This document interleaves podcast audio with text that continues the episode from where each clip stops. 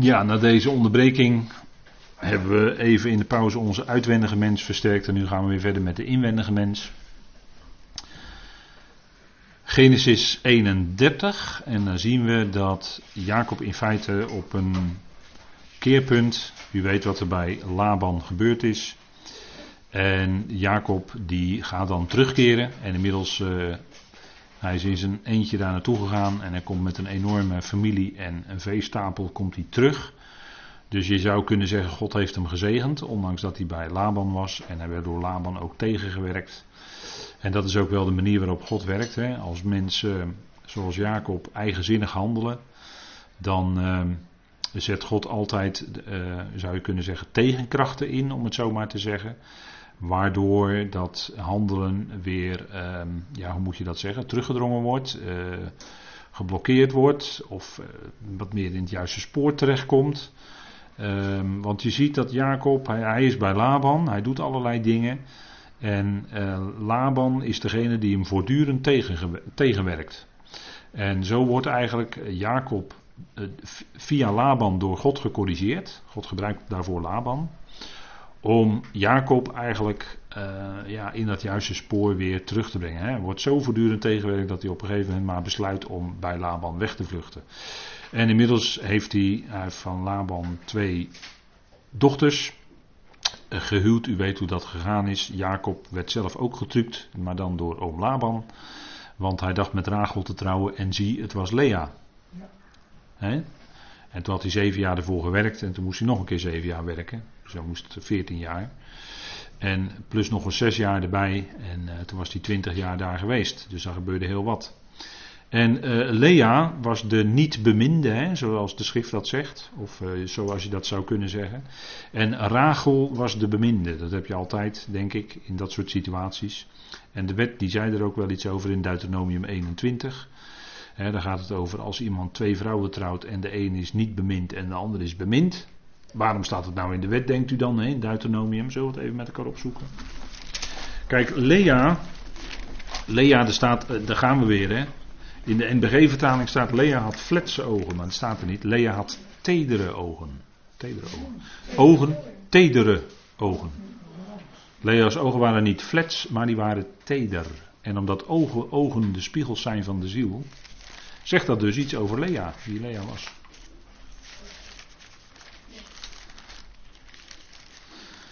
En de naam Lea betekent bezorgd of uitgeput. En Jacob was ook gehuwd met Rachel. En Rachel betekent ooi, hè, een vrouwelijk schaap. En Rachel was mooi van uiterlijk en van gestalte. Maar het bekende, wat ik daarnet al heb gememoreerd, is dat uh, Rachel onvruchtbaar was. En dat was natuurlijk een verdriet. Want als we het hebben over ogen, dan zou je kunnen zeggen: Lea had tedere ogen. En wat zag je in de ogen van Rachel? Verdriet, tranen. Want Rachel die baarde Benjamin en dat was de zoon van haar smart, waarbij ze veel verdriet had. En in de tijd dat zij onvruchtbaar was, had ze ook veel verdriet. Dus de, en er wordt in Jeremia en ook later in het Nieuwe Testament wordt eraan gerefereerd dat uh, Rachel weent om haar kinderen. Kent u die tekst? Rachel weent om haar kinderen. Dus als je kijkt naar de ogen van Rachel, dan zie je tranen, dan zie je verdriet. Ik geef het maar mee ter, eh, ter overweging. Hè. Deuteronomium uh, 21, dat is natuurlijk dan geschreven na die hele geschiedenis van de aartsvaders. Deuteronomium 21.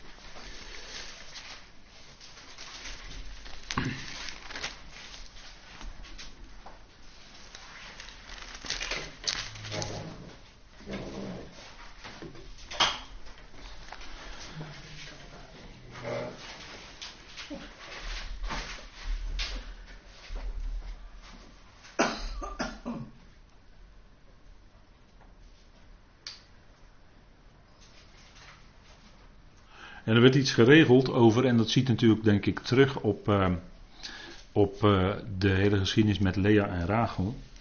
En er staat in Deuteronomium 21 vers 15, wanneer een man twee vrouwen heeft, de een geliefd en de ander minder geliefd, of uh, minder geliefd, daar staat datzelfde woord als als wat we net zagen, uh, haten, dus achterstellen. En zowel de geliefde als de minder geliefde baren zonen bij hem. En de eerstgeboren zoon is van de minder geliefde. Dan moet het op de dag dat hij zijn zonen laat erven, wat hij heeft, zo zijn dat hij het deel van de eerstgeborene niet aan de zoon van de geliefde geeft, in plaats van de zoon van de minder geliefde die de eerstgeborene is. Voorzeker, hij moet de eerstgeborene, de zoon van de minder geliefde, erkennen, door hem het dubbele deel te geven van alles wat hij bij hem heeft aangetroffen. Het is immers de eerste, ja, tuss, uh, schuin gedrukt in de vertaling, vrucht van zijn mannelijkheid. Hij heeft het eerstgeboorterecht. Dus de eerstgeborene was in de wet geregeld, kreeg het dubbele deel. En dat was eigenlijk al, uh, dat was eigenlijk al te zien in Genesis. En uh, eigenlijk zou je kunnen zeggen, ja, dit is terugvoerend op uh, Lea en Rachel. Maar um, later zou de Heer ook, Yahweh dus, zou ook twee vrouwen hebben. Wat bedoel ik dan? Dan heb ik het over de twee stammen en de tien stammen. Die worden in de profetie twee keer door, alle twee door een vrouw voorgesteld. En waarvan bij de een gezegd wordt het is Lo Rugama, dus de niet beminde. Maar dat wordt de beminde. Dus ziet u dat de wet, wat hier in de wet staat, ziet eigenlijk op de Heer en zijn volk Israël. dus dat even voor alle duidelijkheid. Maar dat is ook al zichtbaar in Lea en Rachel. En natuurlijk, er waren ook twee slavinnen, waar ook uh, kinderen bij geboren werden. En de beminde was natuurlijk Rachel en de niet beminde was Lea. Maar nochtans, de eerstgeborene van Lea, dat was... Uh, Ruben. En Ruben die zou dan op grond van wat hier staat, maar dat is natuurlijk achteraf wat in de wet is opgenomen, zou Ruben het dubbele deel krijgen. En daar is wel op gebaseerd dat de eerstgeborene, het eerstgeboorterecht, die krijgt een dubbel deel. De eerstgeborene, volgens, uh, volgens de wet, is ook voor de Heer. Hè? De eerstgeborene is voor de Heer. En uh, daarom uh, was het ook zo dat de, de eerstgeborene, en dat is eigenlijk onze, onze Heer zelf, de Heer Jezus Christus, de eerstgeborene, ja, die is natuurlijk helemaal voor God. En zo is het bij, en, en in Israël was er dus een wet dat de eerstgeborene, die is voor Yahweh. Zowel van mens als van dier. He, omdat dat de eerste is en dat, dat is de eerste uh, van, van de beste kracht, om het zo maar te zeggen van de man die geboren wordt. En daarom is het voor de Heer. Maar goed, dat was een instelling voor uh, Israël. En uh, met eerstgeboorterecht is het in Genesis altijd heel wonderlijk. Hè? Dat de, uh, meestal, eigenlijk is het vrijwel altijd zo dat niet de eerste, de letterlijk eerstgeborene, het eerstgeboorterecht krijgt, maar de tweede. Dat is heel wonderlijk, hè? En dat, dat is een doorgaande lijn eigenlijk. Dat uh, God op een of andere manier wordt het eerste eh, achtergesteld, of in de Hebreeënbrief staat ook, het, God neemt het eerste weg om het tweede te stellen. Dat is een vast principe. Dat geldt ook bijvoorbeeld bij de verbonden. God neemt het oude verbond weg en dan komt het nieuwe verbond en dat is blijvend. En zo is de, de, degene die het eerstgeboorterecht krijgt, de tweede, die is dan blijvend. dat is steeds een vast en zo is de, het oude Israël, hè, onder het oude verbond, dat wordt weggedaan. En er komt dan een vernieuwd Israël. En het is in principe wel hetzelfde volk. Maar dat vernieuwde Israël door de geest, dat is blijvend. Die oude mens, de oude mensheid, wordt weggedaan. En daarvoor komt een nieuwe mensheid en die blijft. De oude schepping gaat ook verdwijnen en daarvoor komt een nieuwe schepping. dus zien we steeds dat principe zich herhalen. God neemt het eerste weg om het tweede te stellen. Is gewoon een vast principe uit de schrift. En dan kunt u, als u dat weet, kunt u de dingen herkennen. Nou, keren we even terug naar Jacob. Jacob die had een grote veestapel en een groot gezin, want hij had twaalf kinderen gekregen en een dochter. Twaalf zonen en een dochter. Dochter Dina. En dat was een heel gebeuren. En die hadden allemaal zo een eigen naam en allemaal een geschiedenis. En dat was dan eigenlijk de basis voor het ontstaan van het volk Israël. En als je in de schriften naloopt, dan zie je ook dat Israël bij gelegenheid ook Jacob wordt genoemd. Het volk Israël wordt ook Jacob genoemd. Hè? En dan, dat is eh, bijvoorbeeld als zij straks in de grote verdrukking wordt ook genoemd de benauwdheid van Jacob. maar het zal worden in de komende tijd, in de komende aion, in de duizend jaar, dan is het weer Israël. God zal, de Heer zal dan hun zonde wegnemen. En hij zal dan met Israël, en zo zal heel Israël, dat is dan daar heel Israël, wat het koninkrijk ingaat, dat is heel Israël. Zo zal heel Israël behouden worden. Dat gaat het koninkrijk in. Al wie de naam des Heren aanroept, dat geldt in de tijd van grote verdrukking. Al wie de naam van de Heer aanroept, zal gered worden. Die zal het koninkrijk ingaan. Dat geldt dan voor Israël en voor ieder die als proseliet bij Israël wil aanschuiven. Dat is dan de voorwaarde. Dat ze de Heer moeten aanroepen en dat zullen ze dan ook doen. En dan zal dat Israël, dat zal het koninkrijk ingaan zo zal het zijn. En dan is het niet langer Jacob. Want nu, wat we nu zien in het land ook, een deeltje van Israël. Er wonen best wel veel, veel mensen. Maar dat is eigenlijk voor het overgrote deel Jacob. Want ze vertrouwen op eigen slagkracht, ze vertrouwen op eigen enzovoort. Jacob. Maar het zal worden Israël, oprecht met God. Maar dat is als ze de naam van de Heer hebben aangeroepen. Maar daarvoor moeten ze eerst weer in de benauwdheid komen. Net als Jacob bij Peniel. L'histoire se répète, zeggen de Duitsers dan. Hè? De geschiedenis herhaalt zich. Goed, gaan we naar het derde visioen of gezicht. Dat is uh, Machanaim. bij het tweede, dan uh, verschijnt de Heer aan hem en dan zegt de Heer dat hij moet vluchten. Dat hebben we net besproken. Maar het derde visioen, dat is Machanaim. En u ziet hier een kaartje en links op dat kaartje ziet u dan een blauw kronkelstreepje, dat is de Jordaan. Die stroomt dan zo naar het zuiden, um, uh, naar de Dode Zee. En uh, uh, de Jordaan, dat is afgeleid van een woord dat betekent afdalen of neerdalen. Dat is eigenlijk een beeld van water wat neerdaalt, is eigenlijk een beeld van het woord van God wat van God uit neerdaalt op ons mensen en in ons hart komt. Hè? Want water is in de schrift altijd onder andere een beeld van het woord van God. Of ik kan ook zeggen van de geest van God. Of moet ik zeggen, water is een beeld van de genade. Want water stroomt altijd naar de laagste plaats. En Gods genade reikt altijd naar de diepste diepte. Maar daar komt die genade ook. En dan zegt u, water zoekt altijd zijn weg. Klopt, maar dat is de genade ook. Die zoekt altijd net zo lang de weg naar beneden totdat die diepst gevallen zondaar ook bereikt is. Dat is Gods genade. En zo is water ook een beeld van genade. Dus het heeft meerdere.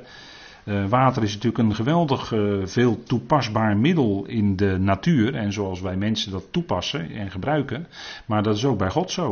Het heeft meerdere beelden, meerdere toepassingen zo is uh, Jordaan, dat is Jarat, dat, uh, die daalt dan naar beneden en die stroomt dan in de Dode Zee. En dat is nu nog inderdaad de Dode Zee, want dat is de gang van de mens. het leven eindigt uiteindelijk in de dood.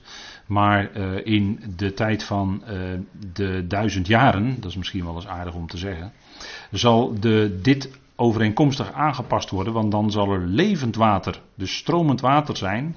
En dan zal de dode zee niet langer dood zijn, maar leven. Dan zal er volop leven zijn. Dan zal er veel meer vrucht zijn ook in het land. Dan is de dode zee niet meer zilt, maar dan is het zoetwater wat ten behoeve van de planten- en bomengroei gebruikt kan worden in Israël. Dat is omdat dan de omstandigheden veranderd zijn. Want er gaat nog natuurlijk een flinke aardbeving komen daar. Hè? Die olijfberg die gaat helemaal splijten en zo. En wat denkt u dat er dan gebeurt met de Dode Zee? Dat gaat ook helemaal veranderen. Maar dat is natuurlijk omdat de geestelijke situatie aangepast gaat worden. En daarop moet de natuur ook aangepast worden. Zo doet God dat. Hè? En zo zien we dat leven al in de komende duizend jaar veel sterker aanwezig zal zijn dan de dood. Dan zal de zonde, het zondigen, ook sterk teruggedrongen zijn. Het zal er nog wel zijn, maar uh, zelfs als iemand als honderdjarige uh, zondigt, zal die sterven, maar dan geldt hij nog als een jongeling, een honderdjarige. Dat is heel anders dan nu. Hè. Nu zijn we al uh, bij 80 worden we oud en bij 90 dan ja, dan eh, wordt het heel moeilijk. Als we 90 zijn, dan hebben we allemaal gebreken en dan kunnen we ons maar moeilijk voortbewegen. Noem alles maar op, dat is allemaal heel akelig. Zoals het nu gaat, maar in de komende duizend jaar, dan komen, als u het mij vraagt, die hoge leeftijden ook weer terug. Ik weet niet of er iemand dan net als Methuselem 969 zal worden. Maar mensen zullen dan wel weer heel oud worden. Echt heel oud. Dus het wordt een geweldige tijd, toch wel hoor, die duizend jaar. Niet ideaal, zeker niet volmaakt, zeker niet. Maar het wordt wel een geweldige tijd natuurlijk. wat denkt u ervan als het woord en de onderwijzing uit zal gaan van Jeruzalem en Sion over de hele aarde? En, en, de volkeren zullen dat toepassen en zullen, en zullen uh, heel veel uh, wijsheid krijgen van het Joodse volk. Hè, want dat zijn nu al knappe koppen. Maar wat denkt u dan in die tijd, hè, als die geest goed gaat werken daarin. Wat denkt u wat er dan allemaal op tafel komt om de mensheid gezondheid en lange levensduur te geven? Wat ze dan allemaal zullen ontdekken. Wat denkt u ervan? Hè? En, en nu al worden de grootste en meeste uh, knappe koppen en grootste ontdekkingen worden door Joodse mensen gedaan hoor. Dat vinden misschien anderen niet zo leuk, maar het is wel zo. He, wat denkt u van Einstein? En zo zou ik natuurlijk een hele rist kunnen noemen. grote namen die veel, die veel hebben ontdekt, Joodse mensen. Ja, dat heeft toch denk ik met de basis van, de, van Gods woord, van de Torah in dat volk te maken. Ik denk dat het daar toch mee te maken heeft. Bijzonder volk, blijft het. En we hebben het lief, we bidden ervoor. Gods volk, Israël. Het is bijzonder. En het is daar als teken dat bewijs dat eh, God wel degelijk werkt. En dat, ja, als je het bestaan wil God, dan moet je zeggen, Israël, kijk, ook kijk naar Israël. Bestaat God? Dan kijk maar naar Israël. Dan weet je het. Als je eerlijk bent, hè. Als je niet eerlijk atheïst bent, dan uh, blijf je atheïst. Maar als je zegt van joh, Israël, dan zal toch iedere atheïst moeten erkennen van ja, ja, ja, zit toch wel wat in. Maar goed, we gaan even terug naar uh, de tekst van uh, Genesis. Maganaim, dat was een aanleiding van dat kaartje. Maganaim, dat ligt uh, iets ten oosten van de Jordaan. U ziet dat vlakbij Sukkot en Pniel. En daar komt Jacob dan terecht. En laten we even met elkaar lezen, Genesis 31. Genesis 31.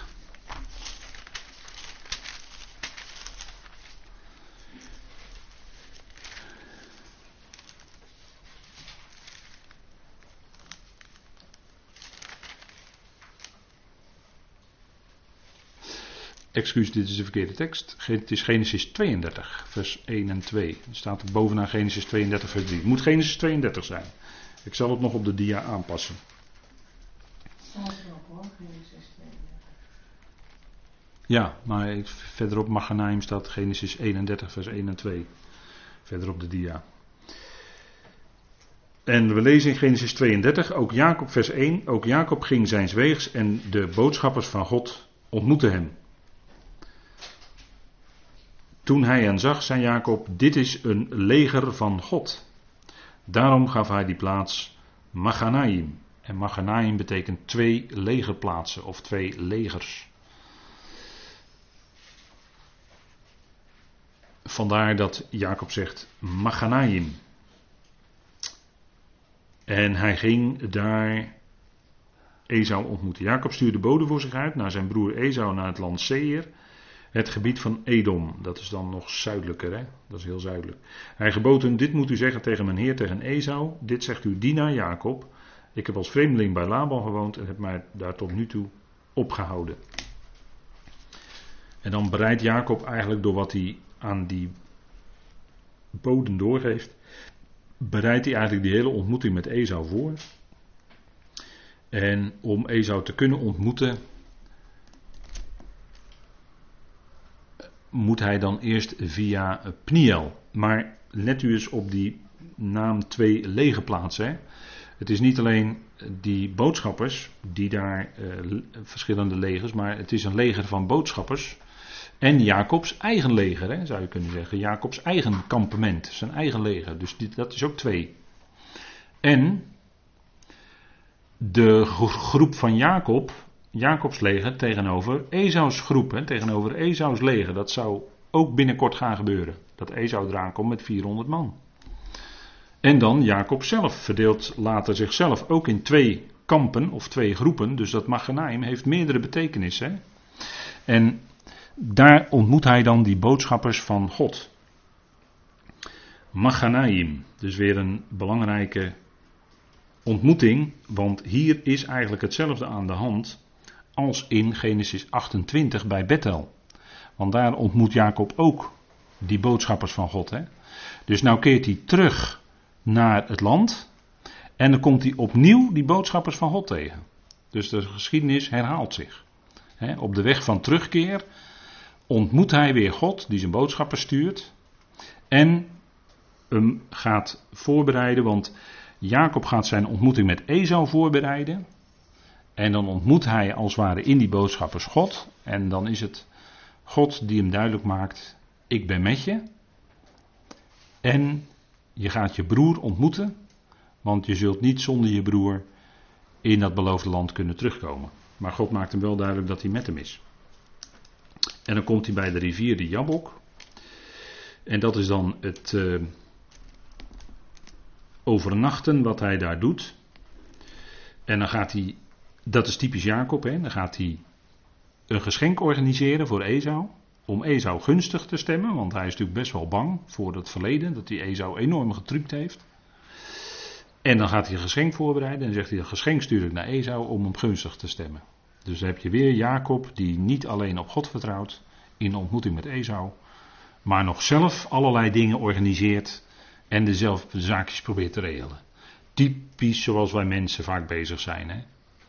Het niet volledig van God verwachten, maar toch nog weer zelf allerlei dingetjes willen regelen. toch denken dat toch het niet helemaal aan God kunnen overlaten is dat. Zo menselijk. Zo zijn wij ook vaak bezig. Totdat we leren, en dat is misschien wel na vele, vele jaren, dat we leren het uiteindelijk helemaal van God te verwachten. voor in het eerste deel van de avond had ik het over het loslaten. Maar je zou kunnen zeggen, uh, het punt dat je als gelovige komt, dat je het helemaal van God verwacht. Helemaal. In alles. Ja, dat, dat, uh, dat is een heel punt. Dat is denk ik Pniel. En uh, dat is het volgende punt. Dat is het vierde visioen of gezicht. En daar willen we dan vanavond wil daarmee afsluiten. En dat is toch ook wel het, het, eigenlijk de, het kernpunt van het leven van Jacob, het geloofsleven. En daar ontmoet hij natuurlijk die man, hè, dat is Ish in het Hebreeuws, niet Adam, maar hij ontmoet een man, en dat is uh, waarschijnlijk een boodschapper van de Heer, die als een man met Jacob worstelt. En Jacob houdt hem vast, want Jacob is de vasthouder, weet u wel. Jacob houdt hem vast. De overbekende geschiedenis bij de Jabok betekent, uh, u weet het, betekent leeggieten. En daar is Jacob, allemaal dezelfde letters in het Hebreeuws en dat heeft natuurlijk met elkaar te maken. Maar Jacob die worstelt daar eigenlijk met God. En dan zegt hij: Ik laat u niet gaan, ik laat u niet los. Daar hebben we weer, de vasthouder. Jacob was een man uit één stuk, hij was een oprecht man. Hij hield vast, het was een echte bijter om het zo maar te zeggen. Hij hield vast, hij bleef vasthouden en zegt: Ik laat u niet gaan tenzij, tenzij u mij zegent. Heb je het weer, hè? De vasthouder. En dan staat er, en dat lezen we even met elkaar in Genesis 32, vers 24. Maar Jacob bleef alleen achter en het is nacht, hè? Het is nacht. En hij kon niet slapen natuurlijk, want die ontmoeting met Esau zat eraan te komen. Maar Jacob bleef alleen achter en een man worstelde met hem totdat de dageraad aanbrak. En toen hij zag dat hij hem niet kon overwinnen, raakte hij zijn heupgewricht aan, zodat het heupgewricht van Jacob ontwricht raakte toen hij met hem worstelde. En hij zei: Laat mij gaan.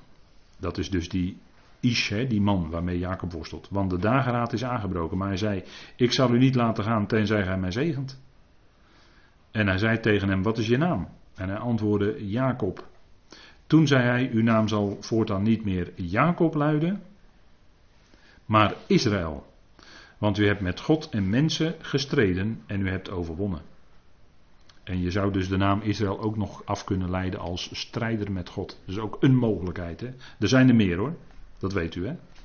En Jacob vroeg daarop: Vertel mij toch uw naam.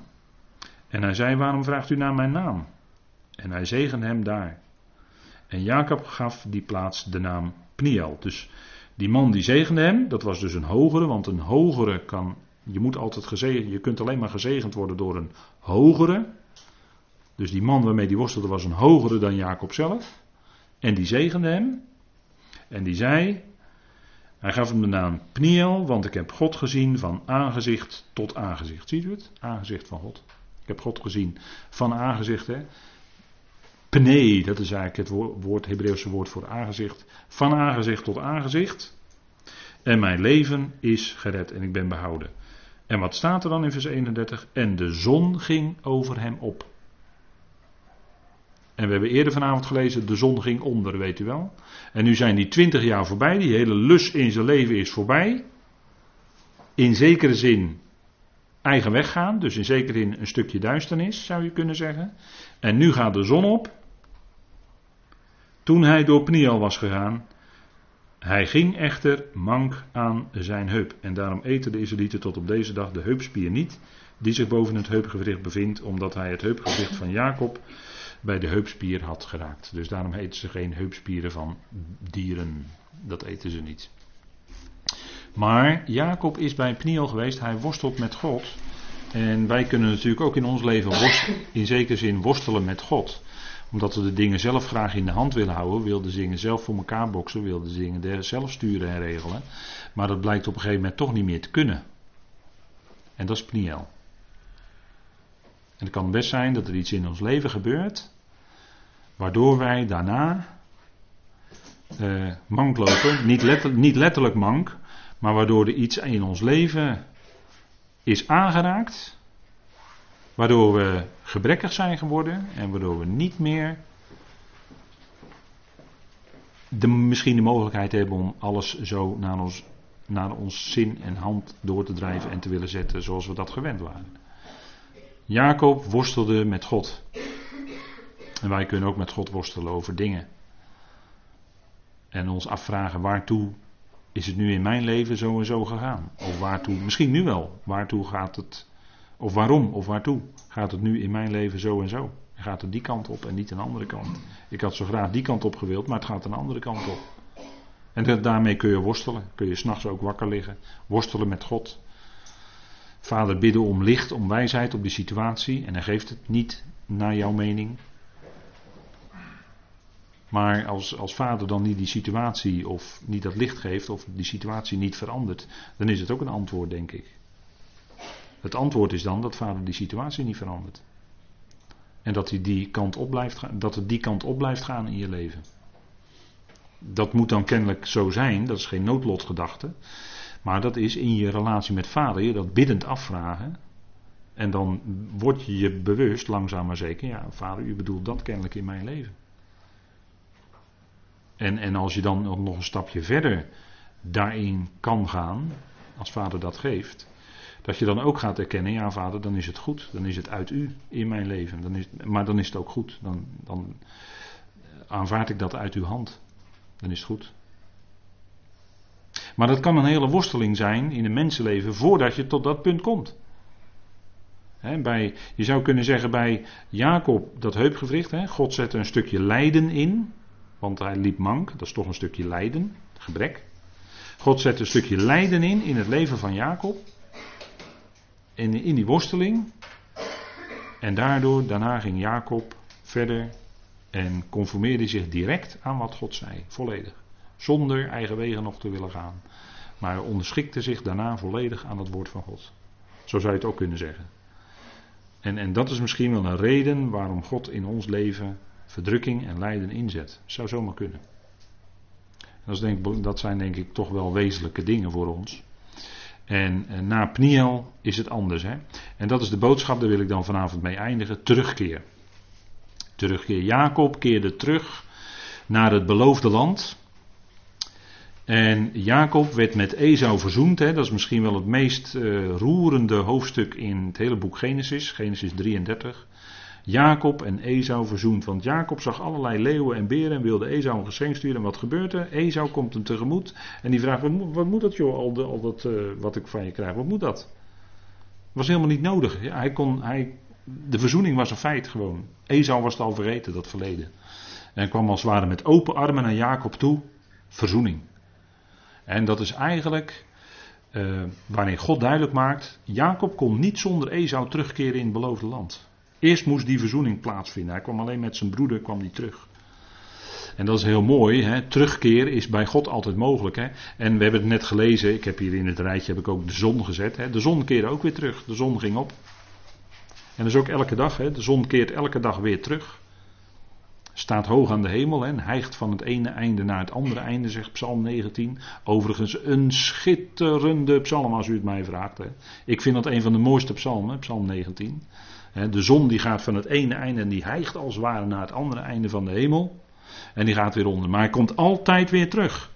En zo komt Gods liefde, zal niet rusten voordat die warmte al die mensen heeft bereikt. En al die mensen zullen baden in de zonneschijn van zijn liefde. En dan zijn ze teruggekeerd. We hebben het over terugkeer. Dan zijn ze teruggekeerd naar hun oorsprong. Want dat is waar we naartoe gaan. En natuurlijk hoort u al Romeinen 11, vers 36 komen. Alle dingen zijn uit hem en door hem, maar ook tot hem. Dat is de terugkeer. niet alleen alles is door hem. Dat is soms heel moeilijk voor ons. Dat is die moeilijke weg waar het eigenlijk de hele avond vanavond over ging. Dat ook alles door hem is, want al die gebeurtenissen in Jacobs leven moesten er ook zijn. Van Gods wegen. Alles is ook door hem, maar uiteindelijk zal ook alles naar binnen hem zijn, staat er dan. Hè? Dus alles keert uiteindelijk ook weer terug naar God. En dat is eigenlijk heel mooi, want dan ga je eigenlijk, eh, God begint eigenlijk vanuit dat ene, hè, wie hij zelf is, die eenheid.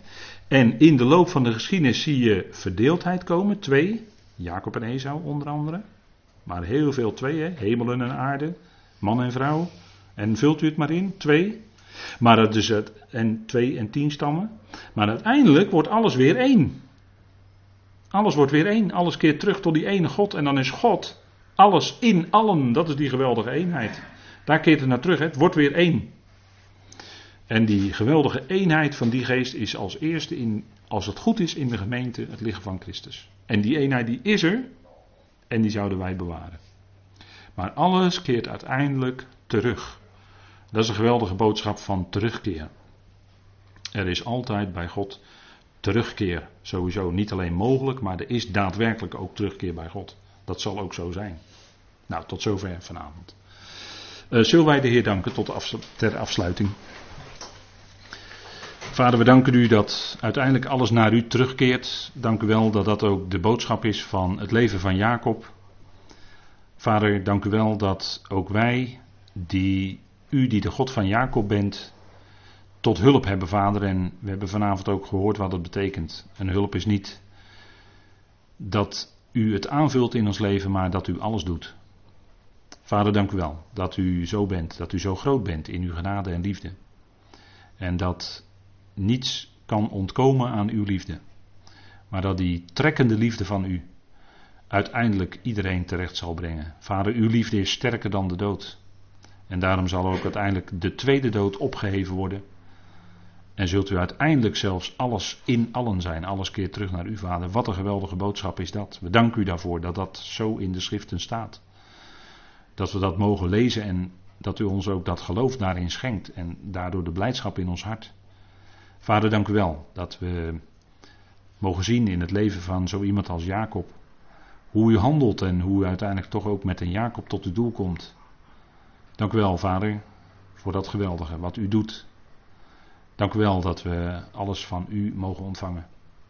Vader, u bent een groot God en dank u wel ook dat we leren, juist door moeilijkheden en pijn in ons leven, dat we dichter naar u getrokken worden daardoor. En dat is ook precies de bedoeling. Vader, we danken u daarvoor. We danken u dat we zo ook vanavond weer een moment bij deze dingen mochten stilstaan. En dank u wel dat u ons bemoedigde en vertroostte door dat woord. Vader, alle rijkdom die daarin zit. We danken u dat u ook met ons gaat als we ieder weer ons weegs gaan. En Vader, elkaar weer elders wellicht ontmoeten.